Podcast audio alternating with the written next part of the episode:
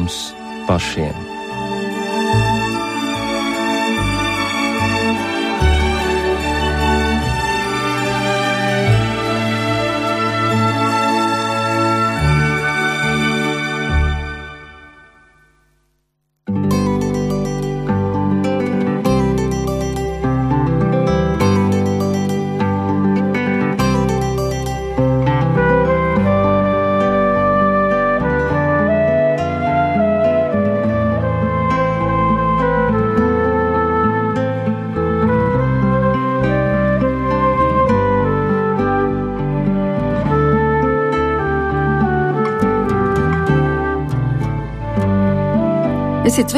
Raidījumā pāri mums pašiem, lai ir slavēts Jēzus Kristus.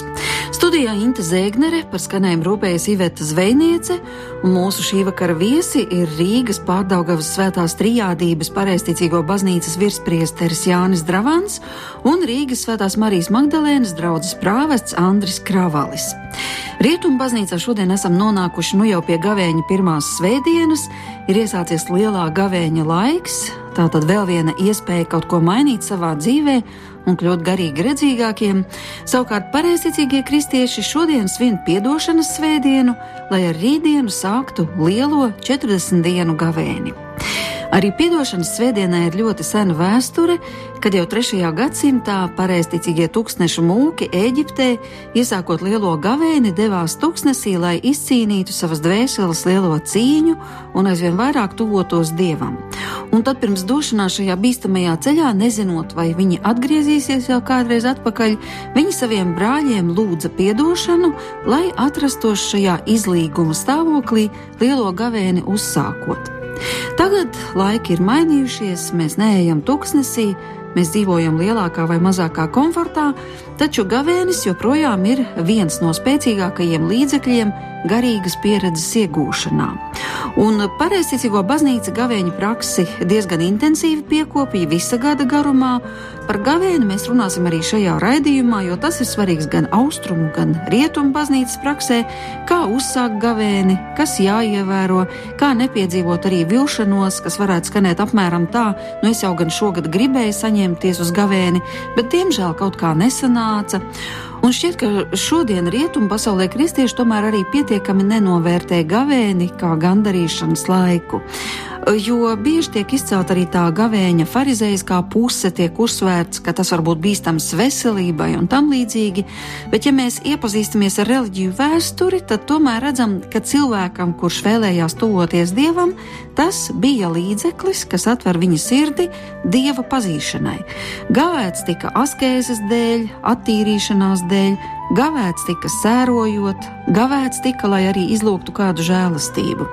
Un tā kā cilvēkam ir gan dvēsele, gan miesa, tad ir grūti iedomāties reliģiju, kas būtu tīri garīga un iztiktu bez miesas un bez ķermeņa iesaistīšanas šajās garīgajās praksēs vai garīgajā atgriešanās ceļā. Tāpēc nevelti gavēnis ir labi pazīstams visām monoteistiskajām reliģijām. Jūdi gavē, musulmaņi gavē un arī kristieši, protams, gavē, bet kāpēc? Ko tas cilvēkam dod viņa garīgajā attīstībā?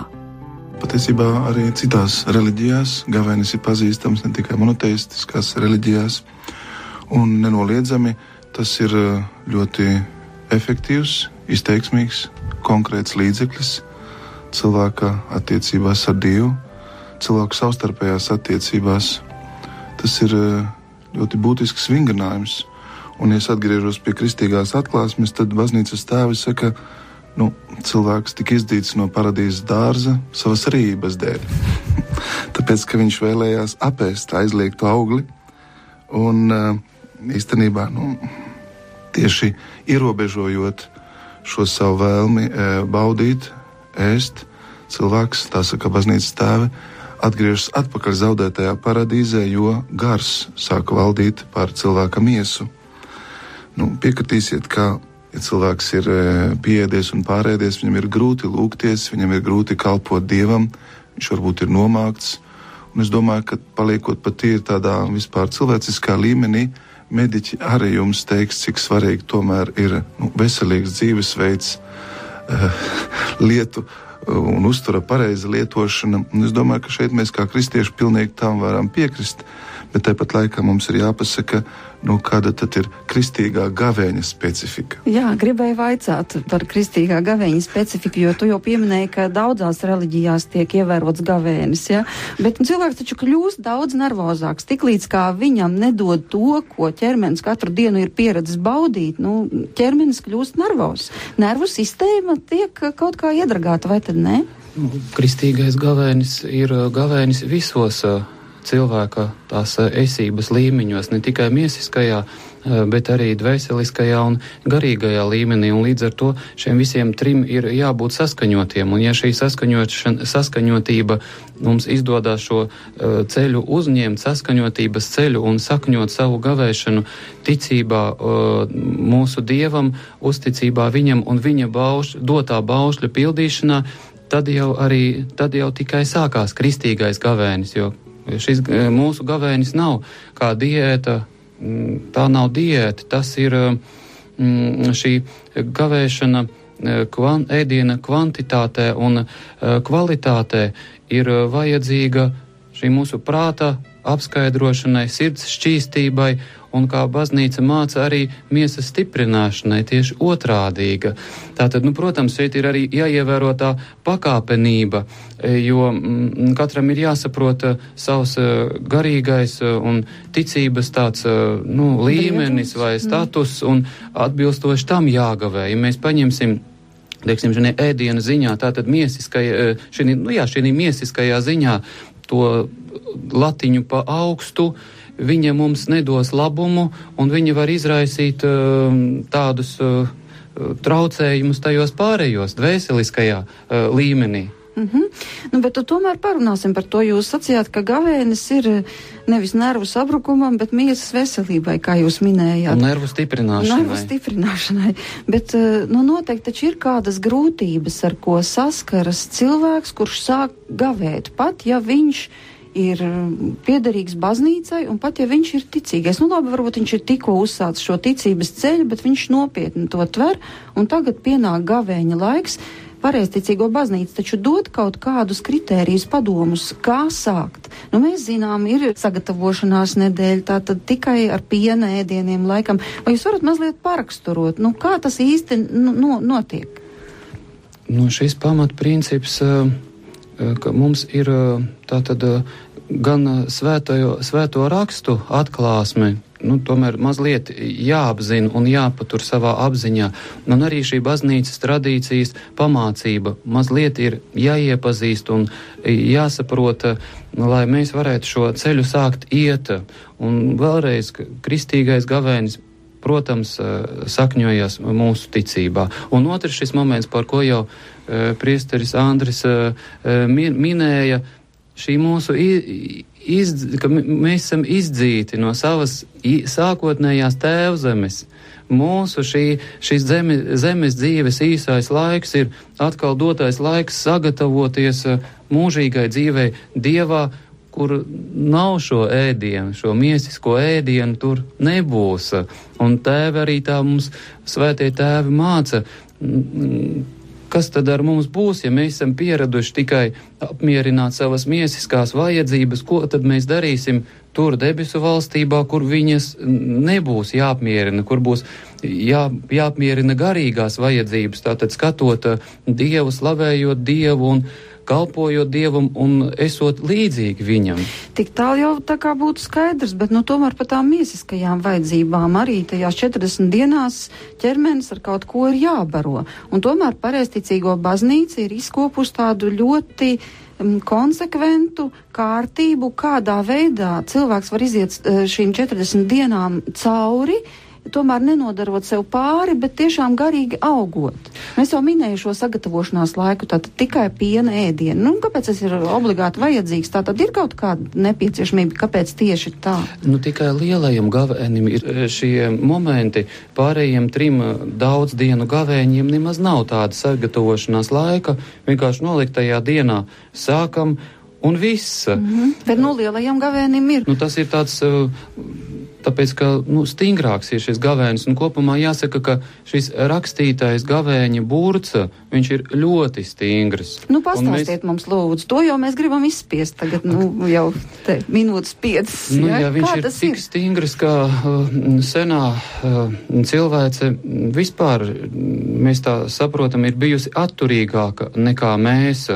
Mēs pat svētajos rakstos atrodam tādu liecību, ka jaunajā derībā, ka ēst rīta agrā stundā bija pat nepieklājīgi un nesaprotami. Tātad šī ēšana kaut kad pirmā ēdienreize pēcpusdienā, tas cilvēcei ir bijis tās gluži pazīstams. Un tad nu, mums, kad mēs to izdzirdam, mums tas liekas pavisam kaut kas nesaprotams. Nu, jā, katrs un, dietologs teiks, ka šī gavēšanas, ir jā. gavēšanas stingrā gavēņa diena pēc šī klostera tēvu dotā likuma ir sākās pēc uh, austrumu skaitījuma 9. dienas stundā.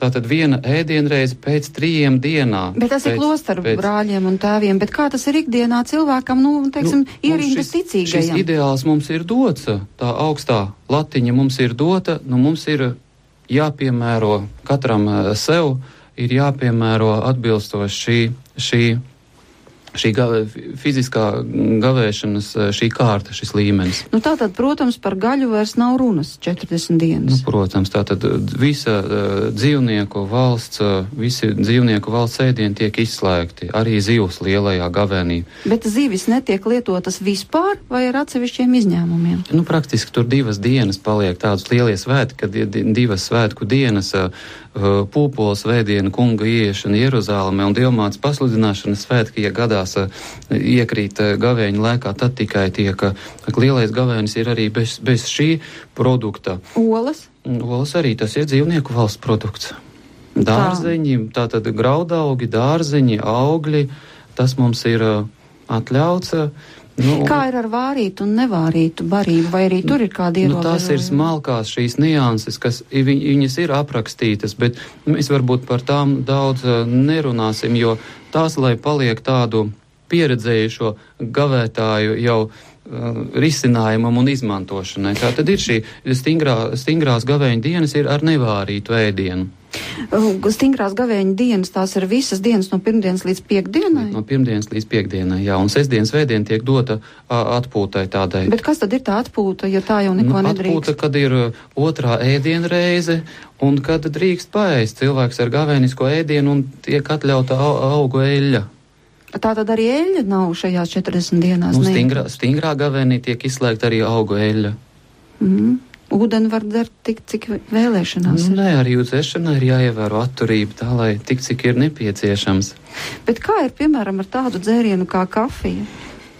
Nu, tā jau gan ir tāda mūsu vājība. Mūsu vājība un pieredums, kas izraisa pietiekami stingru atkarību un pieradumu, nu ar to jau nu derētu pacīnīties, kad, pienāks, kad pienāk laiks katram. Bet tas nav tā, ka, nu, ja cilvēks ievēro visu, tiešām ēd tikai dārzeņus, graudaugus un nelietošos dzīvnieku valsts produktus, bet nu, no kafijas nu nekādi tad tas tomēr tas nenozīmē, ka viņš nebūtu gavējis. Nu, nē, protams, ka nē, un gavēšanas pakāpe jau katram cilvēkam tomēr ir sava. Mm, pieredzējis gavētājs, viņš varbūt tajā mīsiskajā līmenī var būt ļoti atturīgs uh, un no, no daudz kā atteikties, uh, bet uh, tā, vēl, tā jau vēl nav gavēņa būtība. Mums jau ir jānonāk līdz šim garīgajam gavēnim. Tātad šī atturība, atbilstošā atturība ēdienā un dzērienā un miegā, viņai ir jābūt par pamatu mūsu cīņai ar mūsu grēku slimībām, ar mūsu kaislībām, veiksmīgākai cīņai.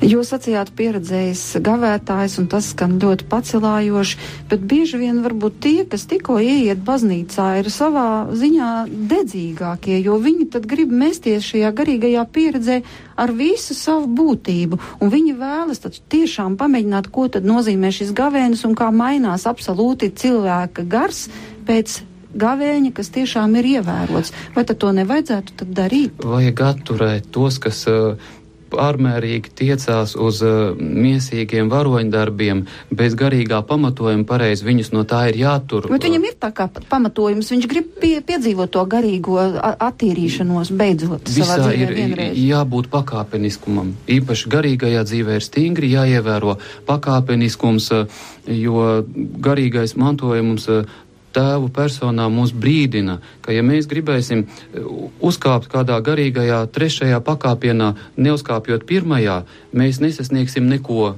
Varam iziet vispār no ierindas garīgās. Nu, bet, ja es neesmu nekad gavējusi šādā veidā, kā jūs tikko minējāt, nu, kā tad izpaustos mans pakāpeniskums? Nu, es, kādu padomu jūs varētu iedot? Es neaicinu nevienu bez uh, pēc tādas eh, piereduma un pieredzes uz šīm augstākajām gavēšanas pakāpēm, tajā, nu, teiksim, tādā tīri miesiskā ziņā. Lai nu galvenais būs, ja mēs ar ticību, ar lūkšanu un eh, grēku nožēlu un tādu mums pieejamo atturību pavadīsim gavēņu laiku. Bet Tad mums būs mēs, ieguvums. Bet tā jau mēs varam nesākt nekad. Nē, nu, nu, jāsāk ir, bet. Bet nu, ar ko? Ar to, ka, eh, nu, es domāju, katrs mēs varētu, ja mēs šo lielo dieva dāvanu ticību iemantojam un sākam dievam lūgties, nu, no dzīvnieku valsts produktiem mēs varam atteikties un regulēt šo ēdienu reižu skaitu un, un daudzumu būtu? Atbilstoši mūsu vajadzībām un, teiksim, pašsajūtai. Vai ir kāda nozīme ēdienu reižu skaitam? Teiksim, ir kaut kāda prakse attiecībā uz ēdienu reizēm? Nu, viena tā kā liktoši stipri. Nu, tas ir knapu. tas daudz. Nu, droši vien, ka šīs uh, trīs vai, vai, vai trīs ar pusi, uh, lai nu viņas būtu mums iesākot un varbūt arī vēl tā, um, varbūt četras pat, jā. Lai nu viņas būtu tā kā pierasts, bet nu, sākumā ar šo gavēnisko kvalitāti un mazliet ierobežotu kvantitāti. Tā tad nu, nemaz nav slikti sākt ar to, ka atsacīšanās notiek no dzīvnieku valsts produktiem, un tas jau arī būs gana labi, ja nepieredzējis gavētājs pamēģinās veikt šādu lietu. Uzreiz gribu vaicāt arī, bet kādi tad ir tie lielākie varbūt kārdinājumi, gan fiziskie, gan garīgie, kas rodas, ja cilvēks mēģinās garīgu motīvu dēļ uzsākt šo gavēni? Nu, mēs jau bieži vien arī pājam garām tam gavēnim. Nu, laika nav, spēka nav, nu, un ne, nezinu, kas vēl veselības pietrūks, vecums par lielu. Ir dažādi it kā objektīvi apstākļi. Bet, bet pēc tam vienalga ir sajūta, ka tu esi kaut ko zaudējis. Nu, varēji taču, un, un tu skaties uz tām apgarotajām sejām, kas ir tās 40 dienas, arī fiziski gavējuši, un tu redzi milzīgu starpību. Un tad ir žēl, ka kā kaut kas ir pietrūcis. Ka, ka, ka, ar ko cilvēks saskarās? Nu, nav jau tā, ka tikai atliek sākt un uzreiz ir prieks un līksmība. Un, nu, ir kaut kādi pārbaudījumi, kādi. Nu, šeit jau tās Jānis ļoti labi teica, ka gavēnis ir uh, visciešākā veidā saistīts ar ticību. Un, ja cilvēks gavē bez ticības, tad uh, to jāsauc citā vārdā - veselīgs dzīvesveids, vadošanās diēta. Jāsaprot, ka šis garīgais vingrinājums mūs ved pretī lieldienām, pretī Kristus augšām celšanās svētkiem, un tie ir svētku svētki. Un, protams, Dievs vēlas, lai mēs būtu ar veselu miesu, ar spēkiem, ka mēs varētu kalpot lūgšanā, tuvāk mīlestībā, darot žēlsirdības darbus, un nevajadzētu pilnīgi piekrīt tām Jānim, aiziet kādās galējībās vai pārmērībās. Es došu vienu piemēru, piemēram, Asīzes Francisks, kas gavēja 40 dienas, ņēma un baudīja maizi, aiz pazemības sakot, ka viņš nav cienīgs gavēt kā Kristus, neko nebaudot šīs 40 dienas, un viņš ir tādā veidā vēlējās pazemīgi parādīt, paklausot uh, savai garīgai vadībai, ka viņš nevēlas būt ilūzijās, bet viņš grib būt paklausībā. Un mēs šeit esam ļoti uh, centrējušies uz gavēni, bet mēs mazliet aizmirstam divus citus balstus, kas ir ļoti, ļoti būtiski, kas ir nesaraujami saistīti, un to jau baznīcas tēvi, īpaši Jānis Hrizologs, uzsver. Un tie ir žēlsirdības darbi un lūkšana. Ja es kaut no kaut kā atsakos, tad nevis tikai lai sevi mocītu un ļautu savam ego pieaugt, bet es ar to dalos. Es to dodu citiem es tādā veidā redzu citu vajadzības. Un arī šī lūkšana ir kā, ja tā var teikt, stiprinājums. Ja es gavēju, es varu labāk lūgties, Un lūkšana savukārt, Jānis Krizoloks saka, mani mudina uz labiem darbiem, uz žēlsirdības darbiem, uz tuvāk mīlestības darbiem.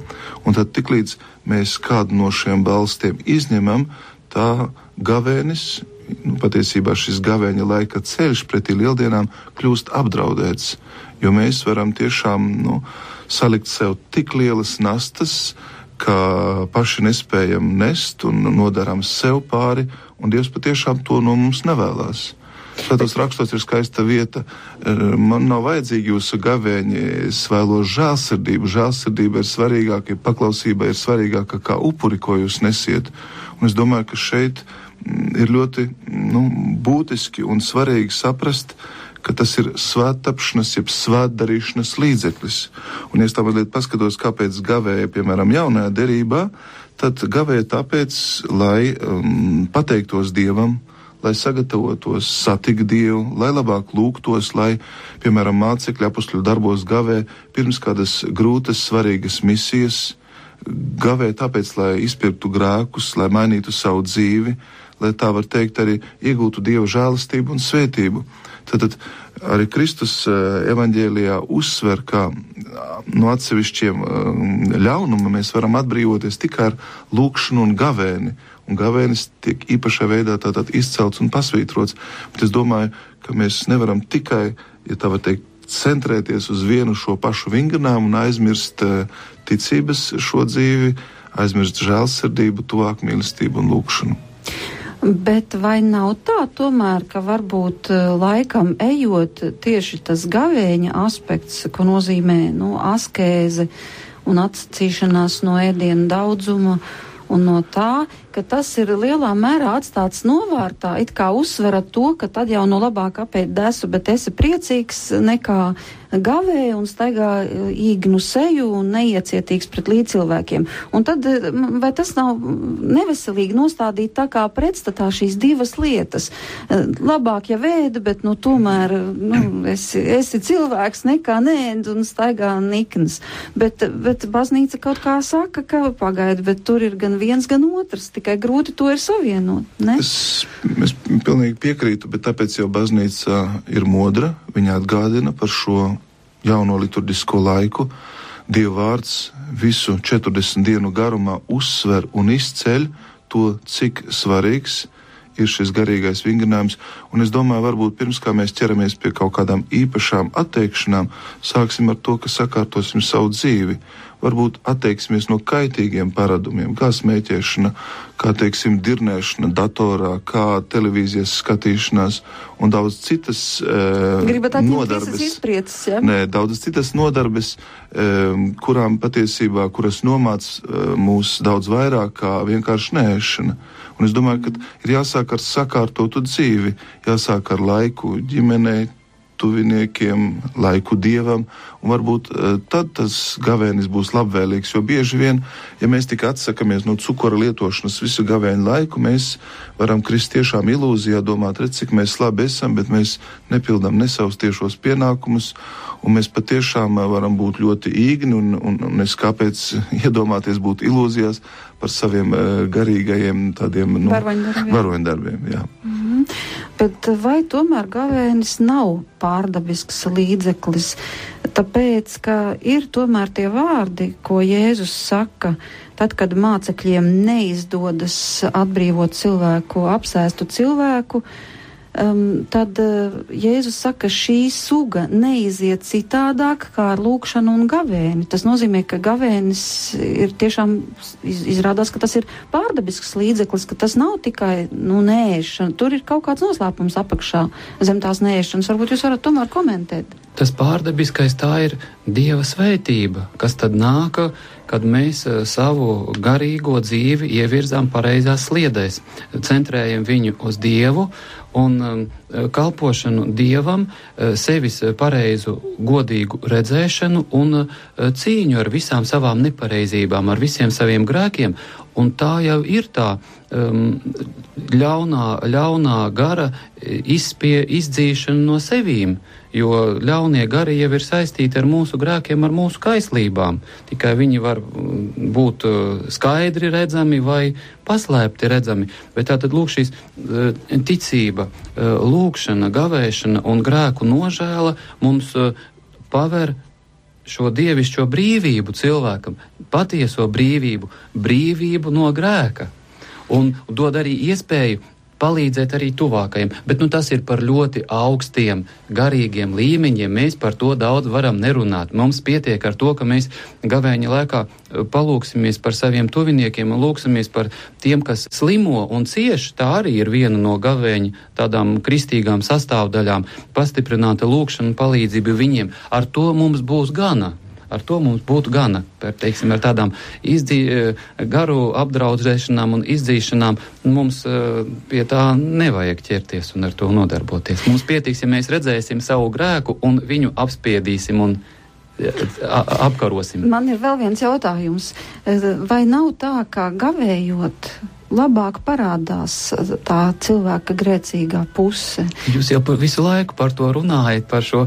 Par šo um, nu, es domāju, šo, tā, ka nu, tas neiecietība, dusmas, neiecietība un, dusmas un pārējais, ka tieši tad, kad cilvēks samēro un lieto mazāk ēdienu, un ka tā visa tā ķermeniskā būtība kļūst trauslāka, tad izlien ārā visi tie īleni, kas pirms tam labi taukos gulējuši. Paēduši, paēd, paēdis cilvēks, labi paēdis cilvēks paējā savas kaislības, un viņas ir tādā miera stāvoklī, bet kā mēs pret viņām mēģinām cīnīties, viņas saceļās pret mums. Un tad mēs viņus skaidrāk varam redzēt, kas tad, tad mūsos ir. Redzam, un tad mēs mm. ar mhm. viņiem varam cīnīties. Mm -hmm.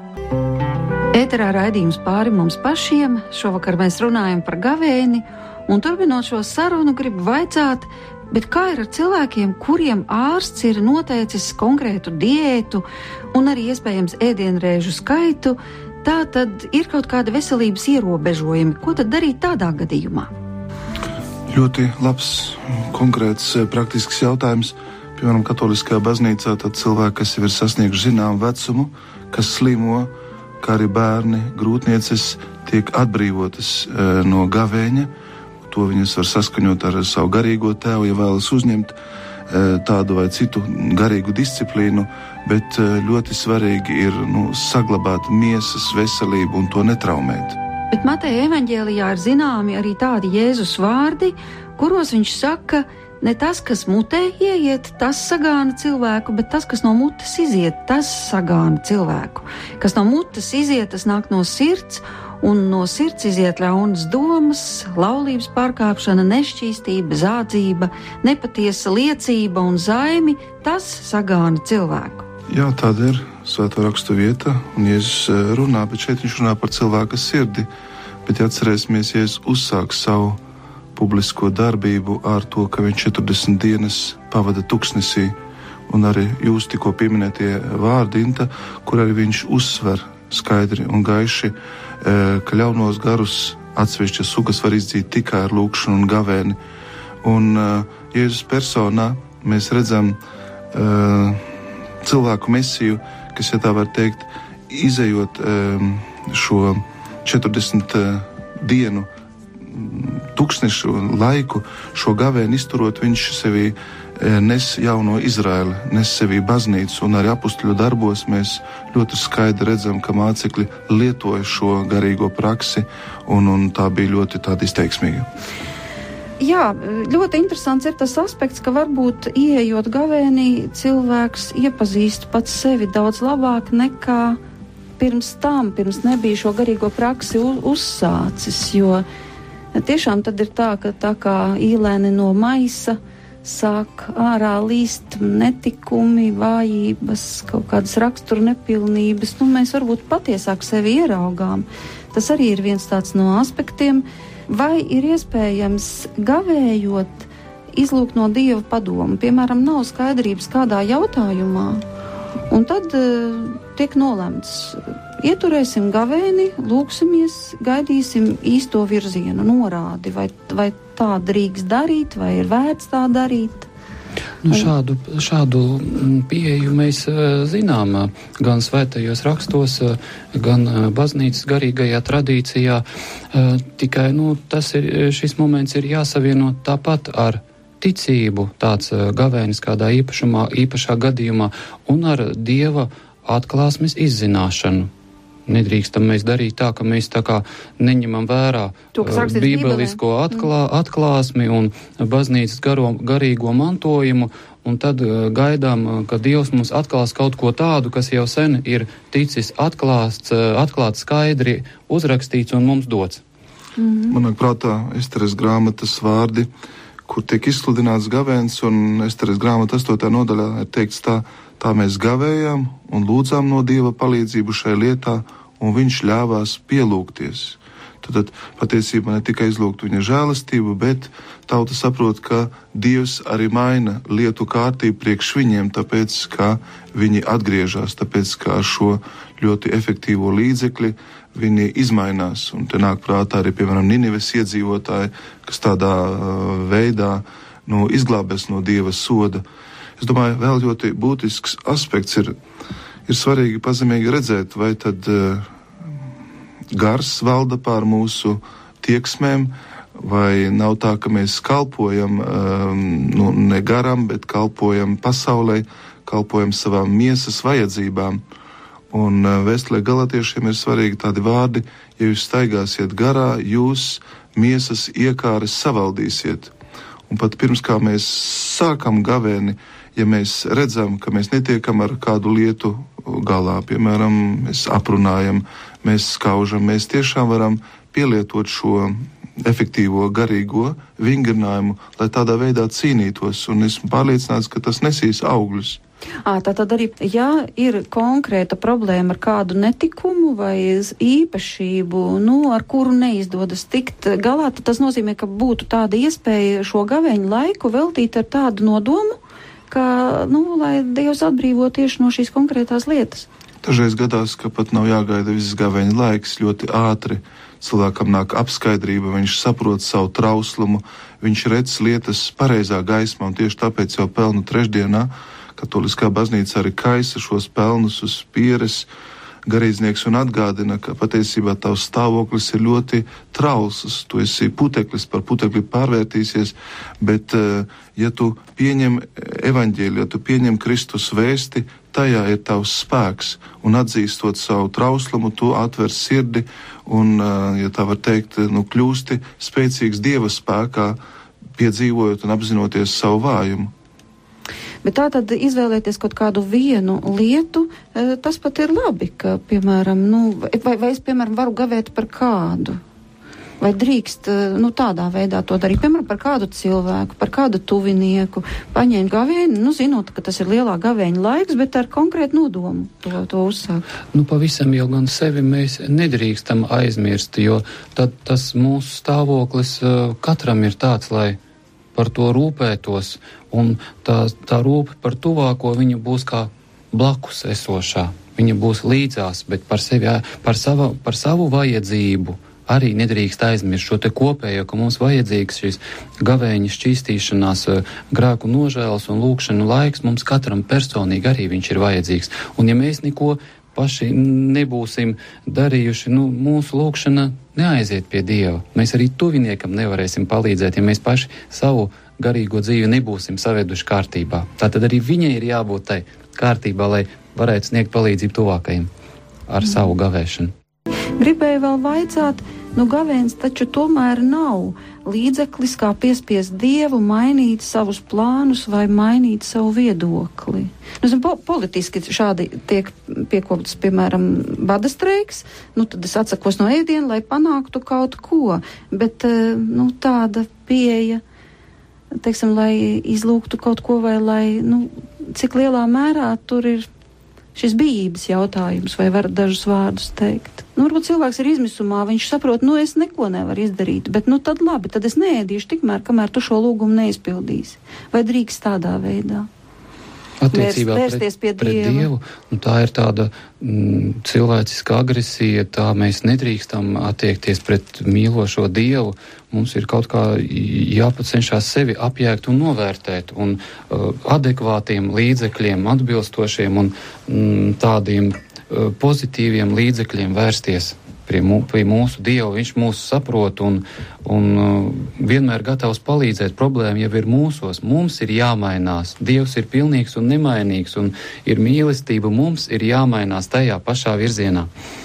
Nu, tā var būt dieva kārdināšana, ja mēs gribam uzspiest dievam savu gribu, vēlamies, lai viss notiek pēc mūsu prāta, bet tomēr ā, vecajā derībā mēs redzam, kā Nineves iedzīvotāji izlūdzas piedošanu, apžēlošanu. Un arī, Tur bija saistība Jā, ar dziļu grēku nožēlu. tā. izmainīja savu dzīvi. jā, un tieši tāpat arī Esteres grāmatā gavēnis, lūkšana, atgriešanās parāda, kā mēs varam daudz ko izmainīt. Redījumā pāri mums pašiem tikāmies ar Rīgas pārdaugavas svētās trijādības pareizticīgo baznīcas virspriesteri Jāni Dravantu un Rīgas svētās Marijas Magdalēnas draudzes prāvestu Andri Kravali.